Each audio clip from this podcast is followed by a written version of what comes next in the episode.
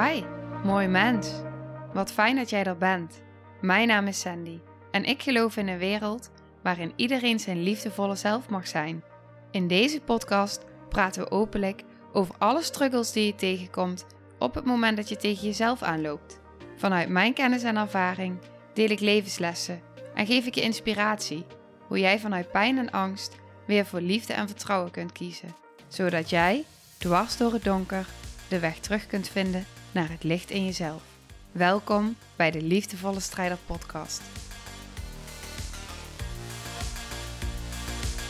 Hey, hallo. Dag lieve jij. Hallo. Nou, dit is uh, een vervolgaf. Dit is wel echt ook een vervolgaflevering. Ja. Ehm, we zitten natuurlijk midden in een reeks nu die we opnemen naar aanleiding van de dagen die we hebben gehad bij Anna Verwaal. En vooral wat het heeft geraakt in ons en onze ervaring. En in de vorige aflevering wa- wa- waren we in gesprek over mijn, ja, wat het raakte in mijn en mijn ervaring. We zijn hem dus aan het opnemen op video en we hopen echt dat de VA dit goed kan samenvoegen. Want op een gegeven moment zei Elle iets tegen mij. Ehm, Ja.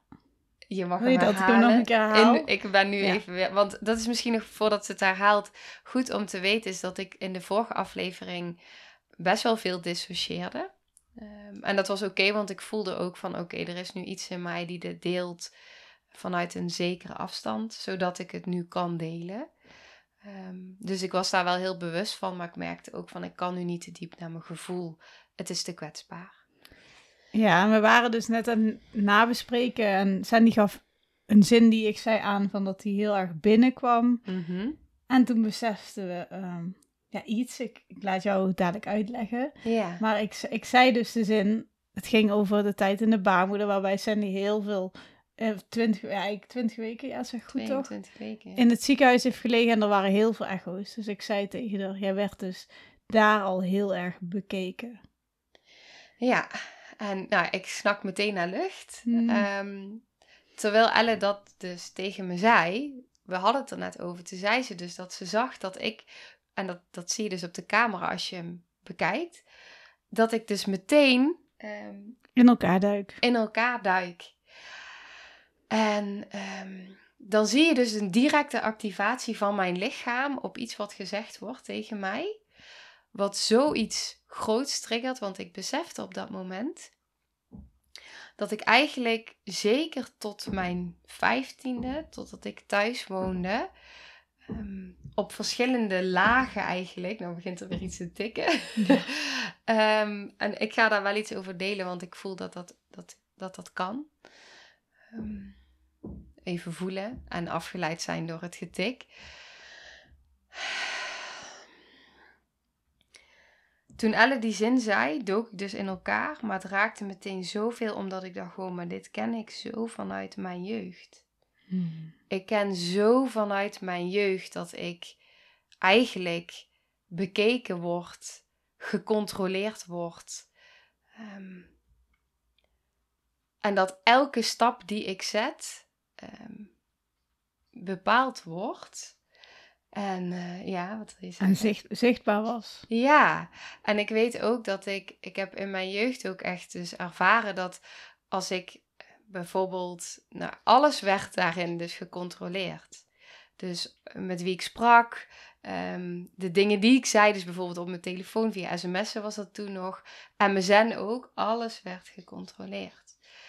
Alles werd bekeken en, eh, en over mij bepaald. En, en dat is. ehm, dus, dus die ervaring heb ik daarin later in mijn leven.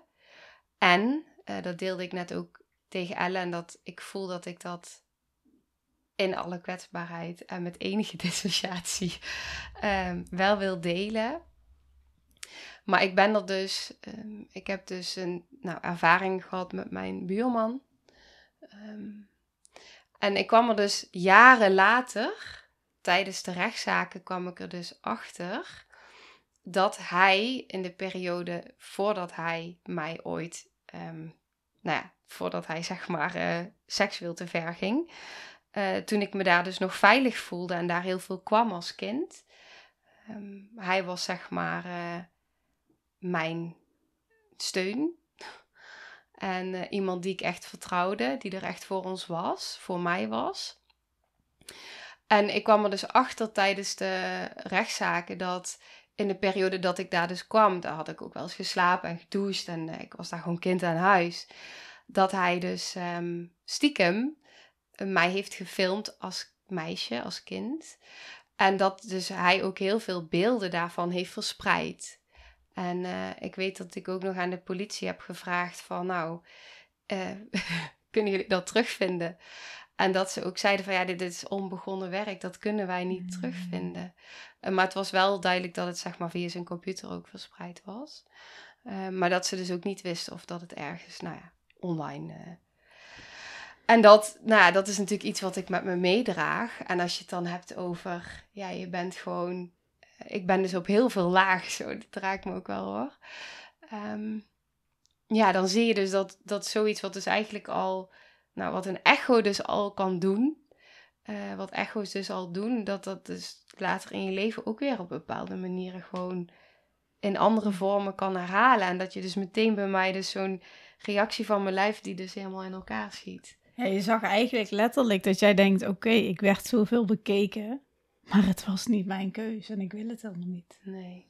Ja, ik wil hem bijna gewoon nadoen. Ja, je is gewoon echt jezelf aan het beschermen. Ja. Ja. Je geeft eigenlijk aan: nee, ja. ik wil niet zoveel. ga, dit, is ma dit is van mij. En, ja. En wat ik net ook tegen jou zei, van daarin is het dan ook weer heel erg mooi om te kijken van vanuit welk oogpunt is dat eerste stuk van bekeken worden um, ontstaan? Jij bent natuurlijk vroeg in het ziekenhuis gekomen. Ben je oké als ik dat deel? Ja, ja, ja, En jij bent veel bekeken, maar wat is daar het geboorteverhaal van jouw moeder? Mhm. Had zij misschien wel veel meer bekeken willen worden?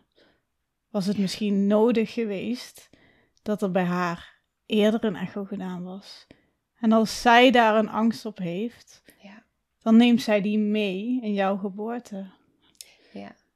En dan heeft zij ergens onbewust besloten: ik zorg dat altijd alles goed bekeken wordt. Ik controleer en ik bescherm vanuit um, zoveel angst en pijn mhm. dat het voor mij overweldigend is. Ja. Dat is ook interessant, dit doe ik nooit. Ik doe echt met mijn handen, ik, ik, ik, ik al helemaal in elkaar als een soort van... Mm, ja, dat is wat ik zo ken, met in elkaar gaan. Ja. Ehm, ja, en dat is, ik, ik, zonder dat ik dan zeg maar, want er zit inderdaad een heel groot geboortetrauma bij mijn moeder en ik weet niet of ik dat mag delen, want het is natuurlijk niet aan mij. Dus zonder dat ik daar diep op inga, want ik heb het natuurlijk ervaren, mm. terwijl ik dus in haar ehm, nou, al was. Mhm. Terwijl zij in de baarmoeder was. Dat deelden we ook in een van de eerdere afleveringen. Maar dat is inderdaad precies haar, haar, haar pijn die zij zo heeft gevoeld. Ze heeft zoveel pijn ook gehad zelf. Ja, en dan ga je daar gewoon overleefmechanismen op inzetten. En ja, je kinderen, ja. Ja. Ja, alles wat niet geheeld is en wat niet aangekeken wordt. En dat is gewoon een hoop ja in heel veel familiesystemen, niet zozeer alleen in de mijne, maar ja, dat, dat, nou, ik ben degene, ja, blijkbaar degene die dit. Uh...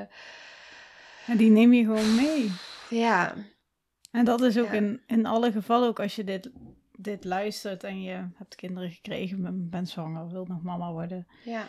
En jouw systeem en jouw geboorte neem jij mee in de geboorte die je gaat uitdragen. Ja, en dat is ook, want we gaan nog een aflevering opnemen over hoe ik het als mama heb ervaren. Ehm, maar dat is echt wel iets wat ik heb gedacht. Ik heb ook echt gedacht: wow, maar mijn geboorte, daar zaten mijn kindjes ook al in mijn baarmoeder. Ja. Dus daar hebben zij dus nog meer reden waarom ik voel van: oh ja, ik wil dit. Nou ja, ik ben dit natuurlijk al jaren. Het is nooit klaar. Ehm, maar ik wil zoveel mogelijk wat ik kan. Ik wil zoveel mogelijk verantwoordelijkheid daarvoor dragen om, om dat allemaal te helen zonder daar een druk op te leggen. Want die is heel belangrijk. Want ik heb ook een periode gehad dat ik gewoon dacht, nou, dit is te veel voor dit mensenleven. Dat ik echt, echt zo'n realisatie kreeg van wow. Hmm. Ehm, en daar heb ik me juist ook heel veel overgave in kunnen vinden. Ja, Want jij, het is wat ik kan doen Ja. wat ik kan. ja dat. Jij, jij hield ook wat jij aan kunt. Ja, En, ehm, je- Veel. ja maar, maar Ja. dat is dus nu wat je kunt dragen schijnbaar. Ja, En, ehm, en ook iedereen hield op zijn eigen manier. ja, absoluut. Dat zie je ook bij ons na die dagen. Wij gaan er ook weer, of anders, maar ja, wij gaan er toch ook weer, ons lichaam reageert ook deels hetzelfde Ja, en ook deels anders. En ik denk dat dat oké is.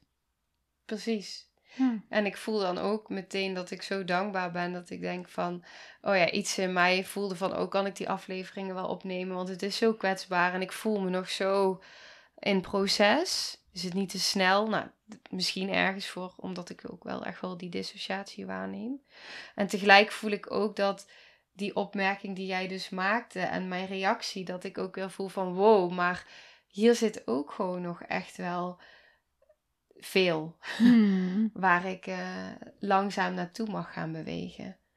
Ja, Ja, juist ook door die opnames vanuit misschien. Ja, ja. het is ook gewoon. Kijk, je heelt. Mensen kunnen helen met bepaalde sessies of dingen.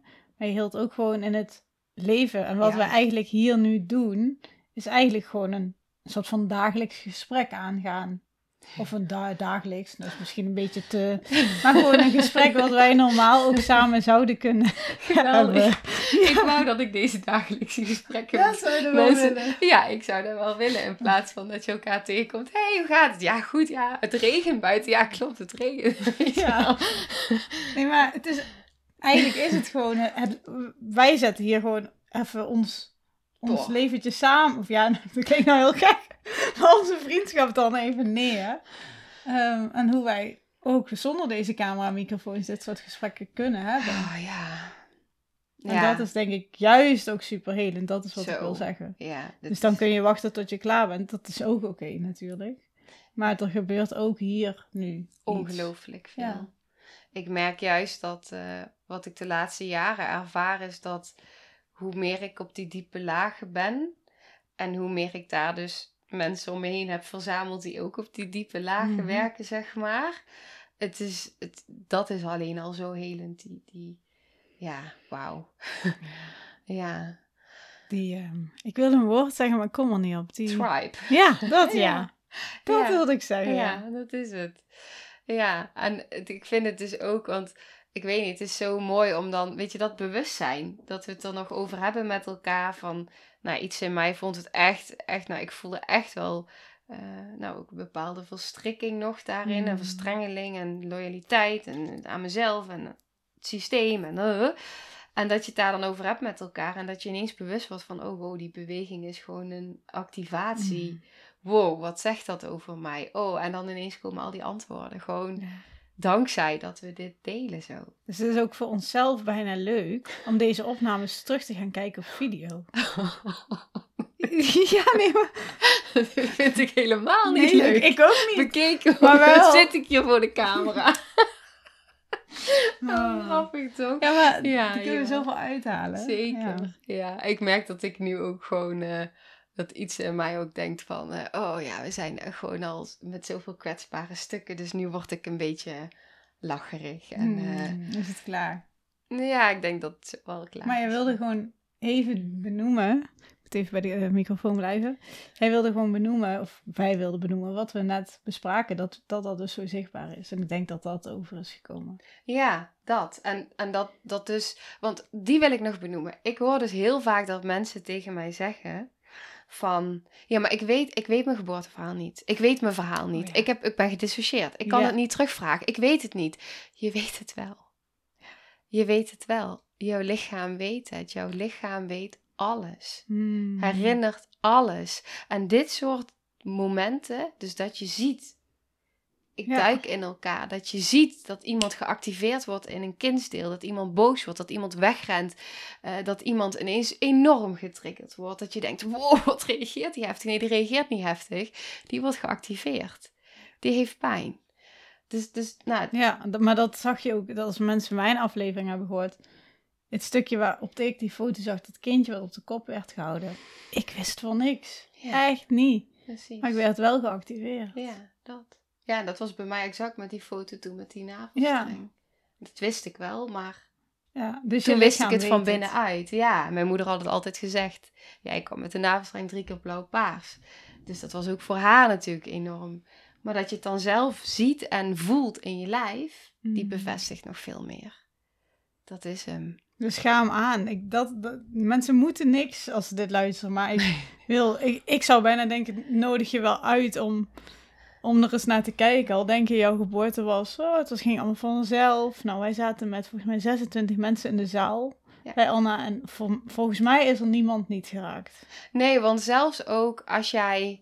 eh, er was één iemand, dat, dat, dat vond ik ook heel mooi wat zij deelde.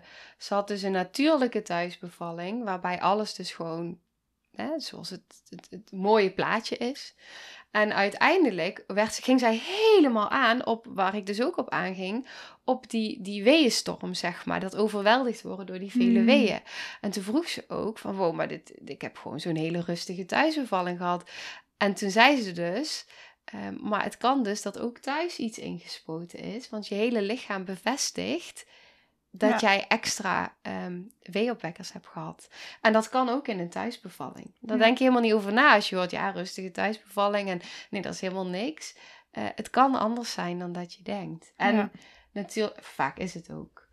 Ja. Ehm, ook bijvoorbeeld die imprints van, eh, ja, mijn vader wilde heel graag een zoon. En ik was de vierde dochter. Die zaten er ook in de zaal. Ja, Meerdere. Ja, Ja, en dan, dan- kun je je afvragen. Ja, ja, dan kom je op het thema van, ja, als jij een jongetje had moeten zijn, of had ze dat in eerste instantie, hè, daar gaat het om. Wat ze later, dat dat verandert, dat, dat is misschien logisch.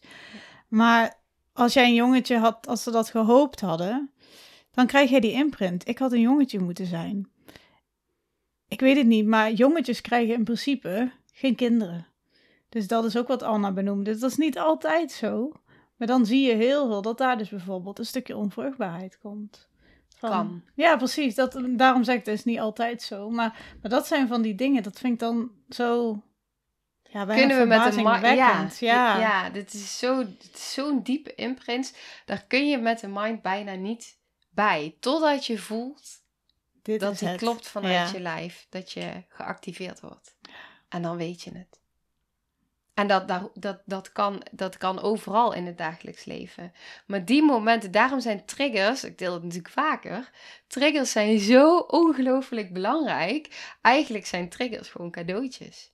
Het zijn cadeautjes van wow, maar daar zit zoiets dieps onder.